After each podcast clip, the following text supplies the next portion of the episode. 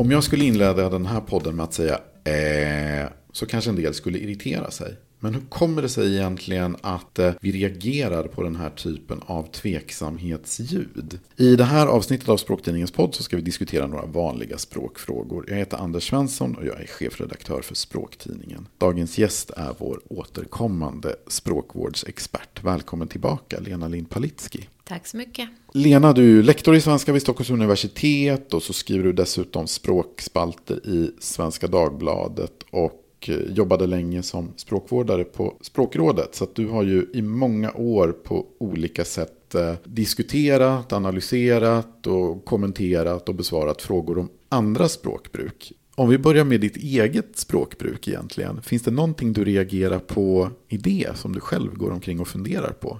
Åh, jag pratar ju så otroligt mycket stockholmska när jag pratar i såna här sammanhang. Och det hör inte jag själv förrän jag lyssnar på mig själv. Och om jag gör det så tänker jag, herregud vad jag pratar stockholmska. Jag kommer ju inte från Stockholm. Så det kan jag irritera mig på att det liksom drar så mycket åt det hållet. Om jag nu ska byta dialekt, varför kan jag inte prata någon neutral variant? Tänker jag då. Men det är väldigt omedvetet och jag har svårt att påverka det. Och när du lyssnar på dig själv, som du då gör ibland, finns det några enstaka ord eller formuleringar som du tänker att den där är jag förtjust i, den borde jag använda mer? Eller finns det sånt som du tänker också att där kanske jag skulle försöka städa bort, inte använda lika mycket? Ja, om jag lyssnar på mig själv så irriterar jag mig hela tiden. Att jag har tvekljud och säger liksom och typ och jag har långa pauser och ja, det finns hur mycket som helst att vara självkritisk mot. Men det finns ju ingen människa, förutom möjligtvis Horace Engdahl, som pratar som eh, man skriver. Och anledningen till att jag säger det om Horace Engdahl, det är för att en gång när jag var student och läste litteraturvetenskap så föreläste Horace Engdahl helt utan manus, han pratade helt fritt. Och det var så fantastiskt, för man kunde anteckna precis det han sa, för att han pratade som språket. Det var hela meningar, det var inga tvekljud. och så vidare. Men det är ju väldigt få som pratar på det sättet. Och kanske inte heller föredömligt i alla sammanhang. I det här poddavsnittet så ska vi gå in lite på, på lite olika sätt. Just på sånt som ibland irriterar och som vi reagerar på i språket. Och gemensamt för de här språkfrågorna är att de är anmälningar till Språkpolisen. Det är en särskild avdelning på Språktidningens webb. Och där kan man anmäla sånt som, ja, sånt som man reagerar på i språket helt enkelt. Den här frågan den kommer från Nina. Jag tycker ha en relation till används för mycket. Tv-reportrar och programledare kan fråga vad har du för relation till Al Pacino fast personen inte alls känner honom. Eller till en maträtt eller ett fenomen som norrsken. För mig är att ha en relation till någon att känna den på något sätt om än på långt håll. Vad tycker du om den här användningen av relation? Just den här konstruktionen ha en relation till. Jag tycker att det här var en väldigt intressant spaning och jag tror att det ligger någonting i det. Att vi kanske har börjat använda det här uttrycket lite vidare. Och i det här exemplet som Nina skriver, vad har du för relation till Al Pacino? Där skulle man nästan kunna säga, vad tycker du om Al Pacino? Eller något liknande. Och det kanske vi har gjort tidigare. Om man söker på det här uttrycket i presstext så har det ökat. Sen är det väldigt svårt att, att se i vilka användningar det ökat utan att gå in i det närmare. Men jag tror att vi har börjat använda det mera. Det som var intressant, det är ju att vi blandar ju inte riktigt ihop det här med... Eh, Nina är ju inne på att hon skriver så här, för mig är att ha en relation till någon att känna den på något sätt. Och jag skulle säga att det är ju skillnad att ha en relation med och att ha en relation till. Så jag tycker nog ändå att att ha en relation med, då har du ju någon typ av vänskapsrelation eller ett förhållande med någon som du förhoppningsvis känner väl. Men att ha en relation till, det är liksom någonting annat. Så att jag tycker ändå att i språkbruket att det görs ganska tydlig skillnad. Det är inte som att vi blandar ihop de här två sakerna. Sen kan man ju som Nina ändå tycka att det låter konstigt. Vad har du för relation till Al Pacino? Om det nu egentligen betyder, vad tycker du om honom? Ja, absolut, jag håller med om de här skillnaderna. Om jag skulle säga att jag har en relation med en person och så visar det sig sen att att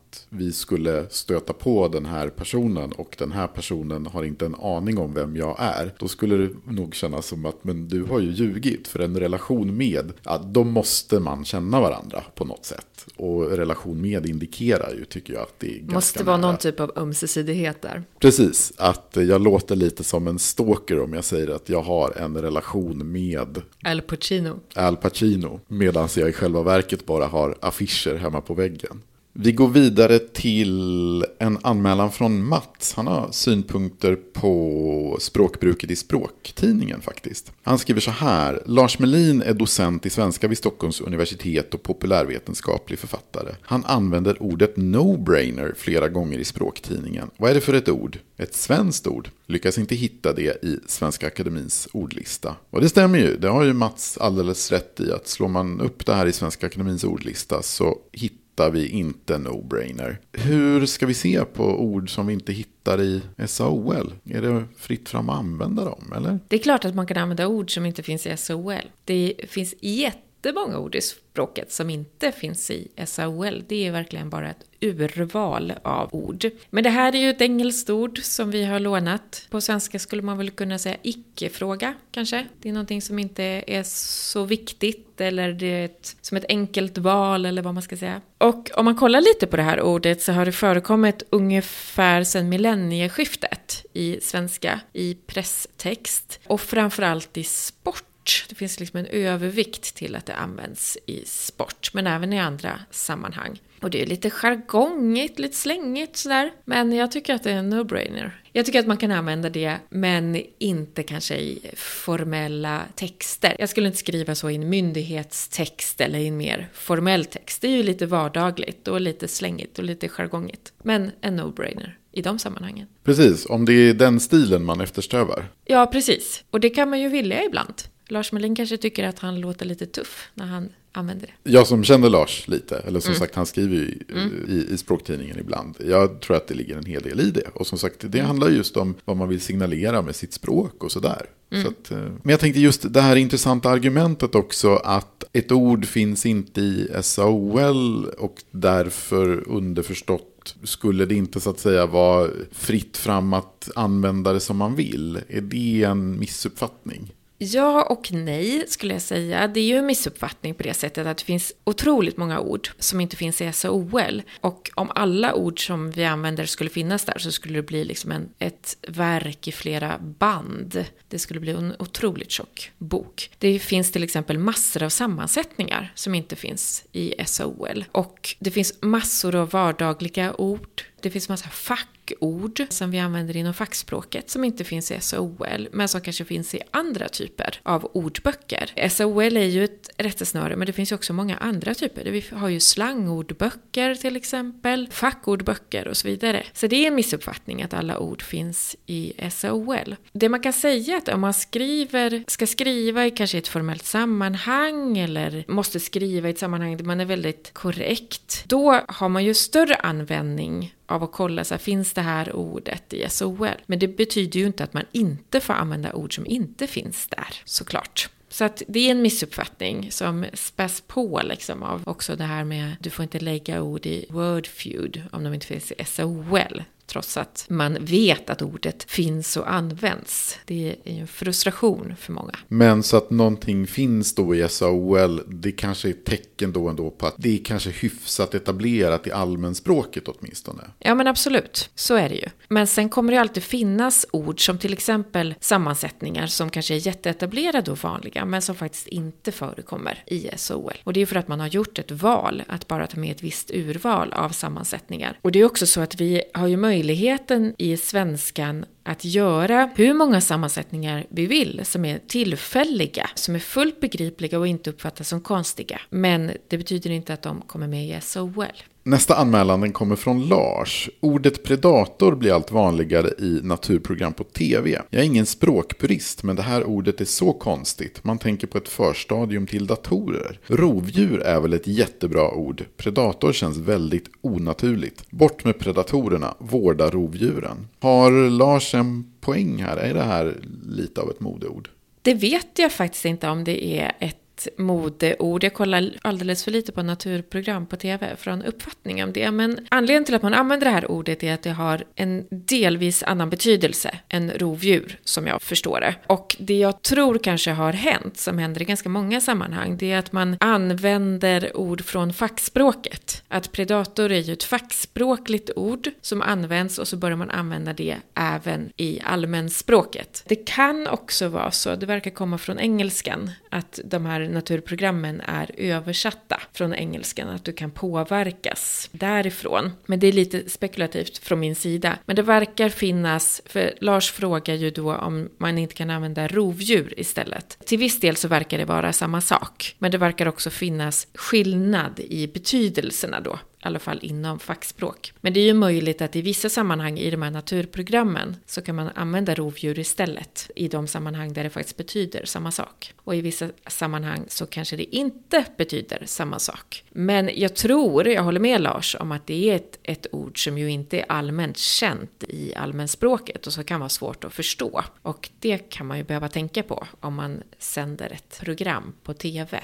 att det här kanske inte är helt enkelt. Men just predator då, vad har det för betydelse som, som rovdjur inte har? Som jag har förstått det, i allmänspråket så säger man ofta att rovdjur är djur som dödar andra djur för att äta upp dem. Och att rovdjur då är liksom motsatsen till växtätare i djurriket. Men i en vetenskaplig definition så är rovdjur mycket mer komplext. Nu läser jag till här att rovdjur är en vetenskaplig ordning och till den räknas mängder av djurarter där de flesta är köttätare eller allätare medan ett fåtal är växtätare. Så det finns även rovdjur då som är växtätare som till exempel pandor. Men jag är lite ute och tassar på nattgammal is när jag börjar prata om de här definitionerna. Andemeningen är att i fackspråket finns det en viss skillnad på predator och rovdjur.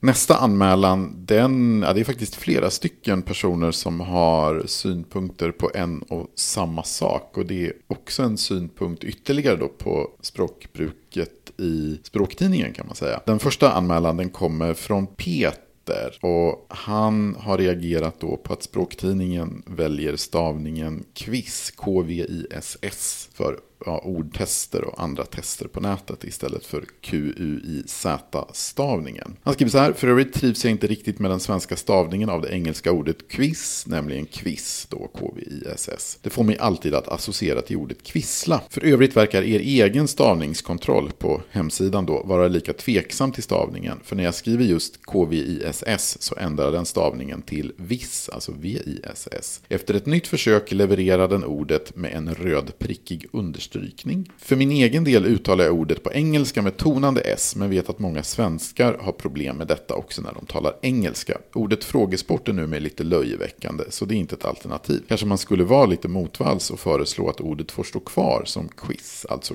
Q-U-I-Z. En annan anmälan den kommer från Klas. Han skriver ni använder quiz KVISS på er hemsida. Hittar dock inte den här stavningen i Svenska Akademins ordlista. Varför? Inkonsekvent? Frågetecken. Sen så skriver Alexandra också, jag tror hon är, har lite glimten i ögat här. Jag vill anmäla ordet quiz KVISS som jag hittade på er sida. Quiz QIZ är ett engelskt ord och på svenska brukar man kalla det test, vilket också är ett engelskt ord, men konstigt nog har jag accepterat det, antagligen för att fröken sa det i skolan. Till att börja med, genom åren så har det ju varit rätt många som har reagerat på den här stavningen, KVISS. Vad tror du det beror på? Dels tror jag att det beror på att den känns ovan, att vi inte har sett den förut. Och allting som är ovant i språket reagerar vi ofta på. Sen tror jag att man kan reagera lite på att den inte riktigt motsvarar det vanligaste uttalet. Jag tror att de flesta kanske inte uttalar det vet så tydligt på det sättet på svenska. Att man inte säger kviss utan att man kanske säger quiz eller så. Och då tycker man att den här stavningen är konstig. Så jag tror att det kanske är det som man reagerar på. Men ur ett språkvårdsperspektiv då? Jag tänkte, nu var du inne på att du tycker kanske inte att uttalet och stavningen återspeglar varandra helt och hållet. Tycker du att det här är en lämplig försvenskning av quiz? Om vi hade levt på 50-talet, då hade det här varit en helt naturlig försvenskning, skulle jag säga. Den har ju haft lite svårt att sätta sig. Om man söker på det här så får man ju bara nästan träffar på Språktidningen och Språktidningens quiz i DN. Så det är ju Språktidningen som står som fanbärare för den här stavningen. Men jag tror att om den hade föreslagits tidigare så hade den haft större möjligheter att få genomslag. Jag tror att quiz, alltså den engelska stavningen, var lite för etablerad i svenskan och lite för använd för att den här stavningen skulle få någon, alltså ta över helt och etableras. Och att de, att de flesta liksom känner till det engelska ordet. Tidigare i historien, när språkvården har rekommenderat svenska stavningar, det har ju varit under tider där vi har varit sämre på engelska. Där det har funnits många människor i Sverige som inte har kunnat engelska. Man är liksom inte kopplat till den engelska förlagan. Och i det här fallet så tror jag att man gör det. Men eh, det är väl du som har infört det här? Det stämmer. Jag tycker ju själv att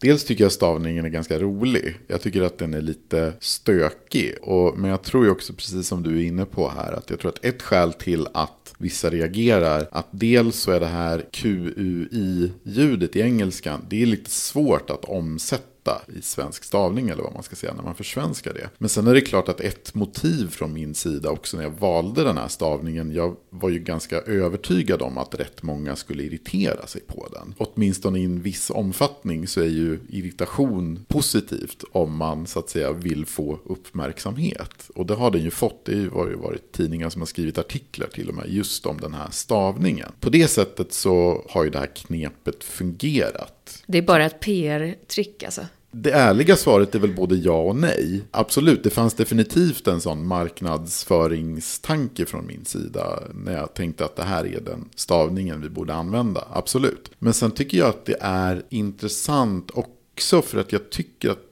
nu, det här kan inte jag leda i bevis, men jag tycker att den här typen av kritik kommer ofta, som jag uppfattade, från personer som i ganska många andra sammanhang förespråkar en lite så puristisk linje, eller har en lite puristisk språksyn. Och då tycker jag att den, den här är intressant. Och jag tycker det var intressant det du sa också, att vi idag, nästan alla svenskar talar ju i någon mån engelska. Och vi är så vana vid engelska ja, men direktlån, att vi ser dem ganska ofta och de i ett stadium där de inte anpassats till svenskan. Men därför tyckte jag också det var intressant att du gick tillbaka här, om säg till 50-talet då. Ett ord som trålare till exempel tror jag få reagerar på idag. Att det stavas T-R-O-L-A-R-E. Men det kommer ju från engelskans trawler, alltså T-R-A W-L-E-R. Och det är egentligen också, tycker jag, om man nu ska jämföra de här mot varandra, så finns det så att säga lika mycket brister, eller vad man ska kalla det, i den här liksom, hur vi överför den här, det här ordet från engelska till svenska. Men det är ju intressant det du säger att det ofta är samma människor som stör sig, eller som är språkpristiska, men som stör sig på den här stavningen. Då kan man ju fundera på om det är att man kanske är mer förändringsobenägen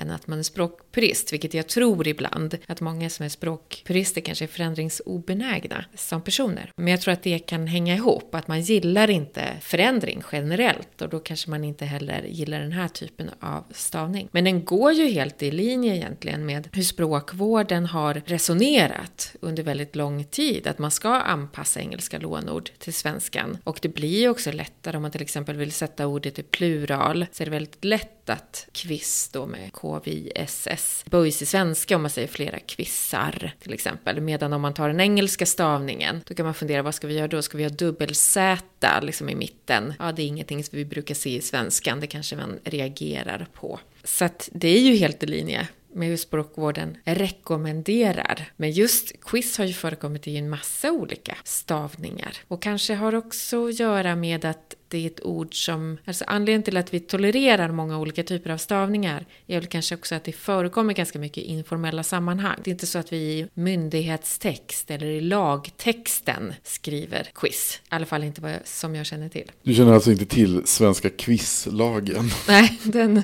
den har gått mig förbi. Men jag tänker att som PR-trick så funkar det ju bra också. Om man vill komma just till språktidningens quiz, då är det ju lätt googlat. Då kan man ju skriva det ordet. Vi har dessutom köpt domännamnet kviss.se kan jag avslöja.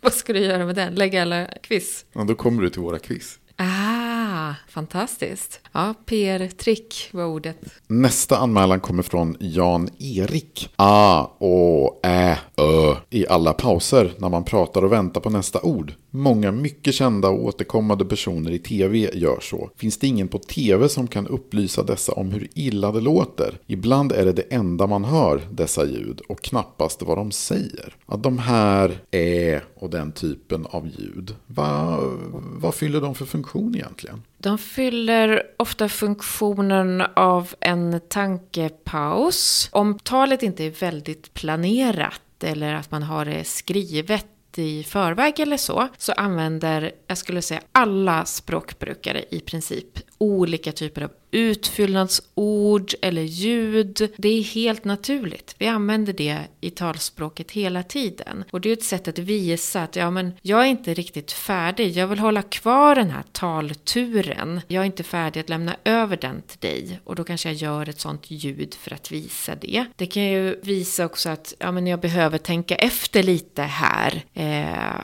och nu sa jag så själv, eh, för att jag tänkte efter vad jag skulle säga. Alla språkbrukare gör det. Det är många som stör sig på det och till viss del så kan man ju träna bort det genom att bli medveten om vilken typ av ord eller ljud man använder. Det kan man göra genom att till exempel lyssna på sig själv, vilket är extremt plågsamt. Men som jag ibland gör, bara för att jag själv ska höra den här typen av irritationsmoment. Framförallt om det är ett större sammanhang. Ibland plågar jag mig själv genom att lyssna på den här podden, där jag själv är med. Just för att få syn på den typen av saker. Men jag tänker på de här som är på TV. Anledningen till att ingen säger till dem, du använder de här orden eller ljuden väldigt mycket, det är ju för att det är ganska ofint att påpeka en sån sak om ingen har bett om det. Jag tänkte på också det Jan-Erik säger här, att han säger att ibland är det det enda man hör, dessa ljud. Och det där är väl också lite så som det kan vara, att när man så att säga har ställt in sina öron på ett visst fenomen hos någon som då kanske ja, läser nyheter eller vad någon gör, då blir man ju ganska lätt fixerad vid det, visst är det så? Jo men absolut. Och om någon använder en typ av ord eller ljud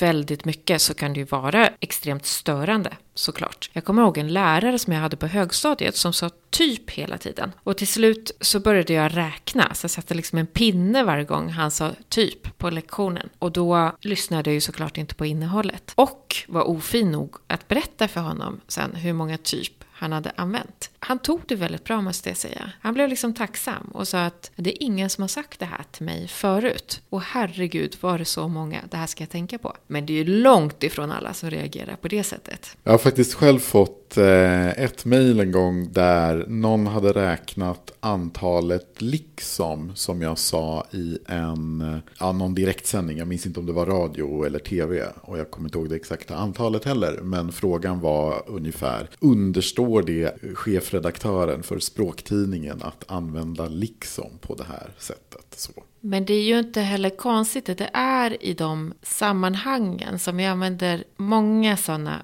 ord. Vi kanske är lite nervösa om vi ska sitta i direktsändning och om det nu är personer, nu skriver i och för sig Jan-Erik att det är personer som återkommande förekommer i tv. Då borde man kanske bli lite mer medveten. Men om det är människor som är ovana att sitta i radio eller tv så kan det ju bli väldigt många sådana ljud just därför att man är lite nervös. Jag tror att det här mejlet det kom för rätt några år sedan nu så att jag tror att jag var mer, framförallt tv-ovan då än vad jag är idag.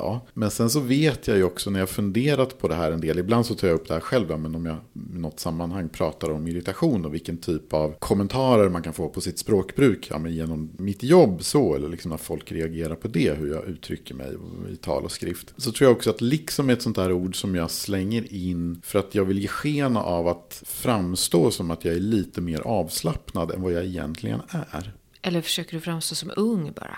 Ta det här lite ungdomliga språket. Ja, det kan nog vara det också. Det kanske är en, det kanske är en kombination.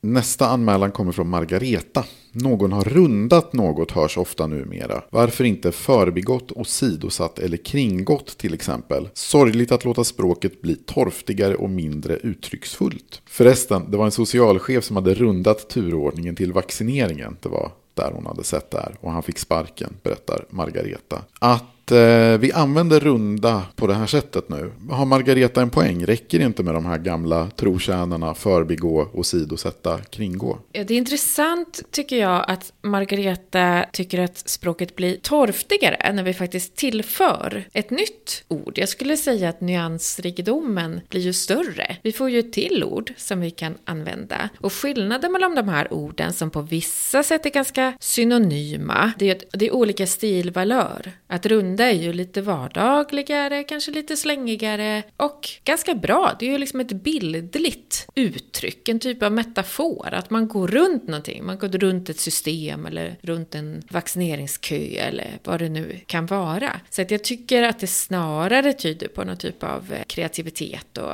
nyansrikedom som vi ska bejaka. Och det betyder ju inte att de här orden förbigå och sidosätta och kringgå, alltså att de kommer försvinna ur språket. De behöver vi ju också, men de har ju lite annan stilvalör. Och det är ju en fantastisk möjlighet om vi kan välja på många olika ord så att vi får den där exakta stilvalören som vi är ute efter i just det sammanhanget. Jag använder ju själv runda en hel del. Jag tänkte på det just när jag läste den här anmälan så kom jag på att vi för ett tag sedan så gjorde vi ett poddavsnitt som handlade om att använda en och man som generiskt pronomen. Och så säger jag just i den podden att jag rundar det problemet. Det vill säga jag använder varken en eller man utan löser det på andra sätt. Och någonstans så tänkte jag väl då, ja, men när jag använder runda på det sättet så tycker jag väl också, det är klart att jag kan säga kringgå problemet, men då tycker jag att jag kanske, framförallt i ett samtal som ändå är hyfsat informellt sådär, så tycker jag att då kanske jag kliver upp några trappsteg för högt på formalitetsstegen, tänker jag. Jo men absolut, och där kan man ju säga, du skulle kunna säga kringgå, det har då liksom en mer formell prägel. Och sidosätta, som ett av de andra förslagen, det hade du inte kunnat säga, för det betyder ju då delvis någonting annat. Du kan inte säga att jag åsidosätter det här, det hade betytt någonting annat. Och det visar ju också att de här orden är ju inte helt synonyma, de betyder lite, lite olika saker. Och ibland så passar vissa av orden bättre och ibland så passar andra bättre. Jag tänker själv att om jag hade suttit och skrivit en, en formell text, då hade jag kanske undvikit runda. Och jag tänker du Lena som ju så att säga, ägnar dig åt forskning också. Jag tänker att om du till exempel skulle skriva en forskningsrapport eller så på svenska, då hade du kanske valt kringgå istället för runda. Eller vad tror du? Jo men absolut, eller så hade jag valt någonting ännu mer akademiskt. Jag hade skrivit exkludera eller någonting. Alltså man anpassar ju hela tiden språket till den typen av text man skriver skriver eller så. Och runda skulle jag säga, det är väl säkert mycket, mycket vanligare i tal eller i informella texter i vardagliga sammanhang. Men där tycker jag att det fungerar utmärkt. Då säger jag tack så mycket Lena Lind Palitski. Tack själv. Och tack till dig som har lyssnat. Om du har reagerat på något i språket och känner att du vill vädra den här eh, irritationen eller nyfikenheten eller vad det nu kan vara för känsla så kan du anmäla det på språktidningen.se under sektionen Språkpolisen. Och en del av de anmälningarna de diskuterar vi som sagt här i podden. Vi är tillbaka med ett nytt avsnitt om ungefär en månad. Du får jättegärna prenumerera på oss i din poddtjänst eller följa oss i sociala medier. Där tipsar vi också om nya avsnitt. Vi finns på Facebook, Instagram, Twitter och LinkedIn. Om du vill teckna en prenumeration på Språktidningen så kan du gå in på språktidningen.se. Tack så mycket och på återhörande.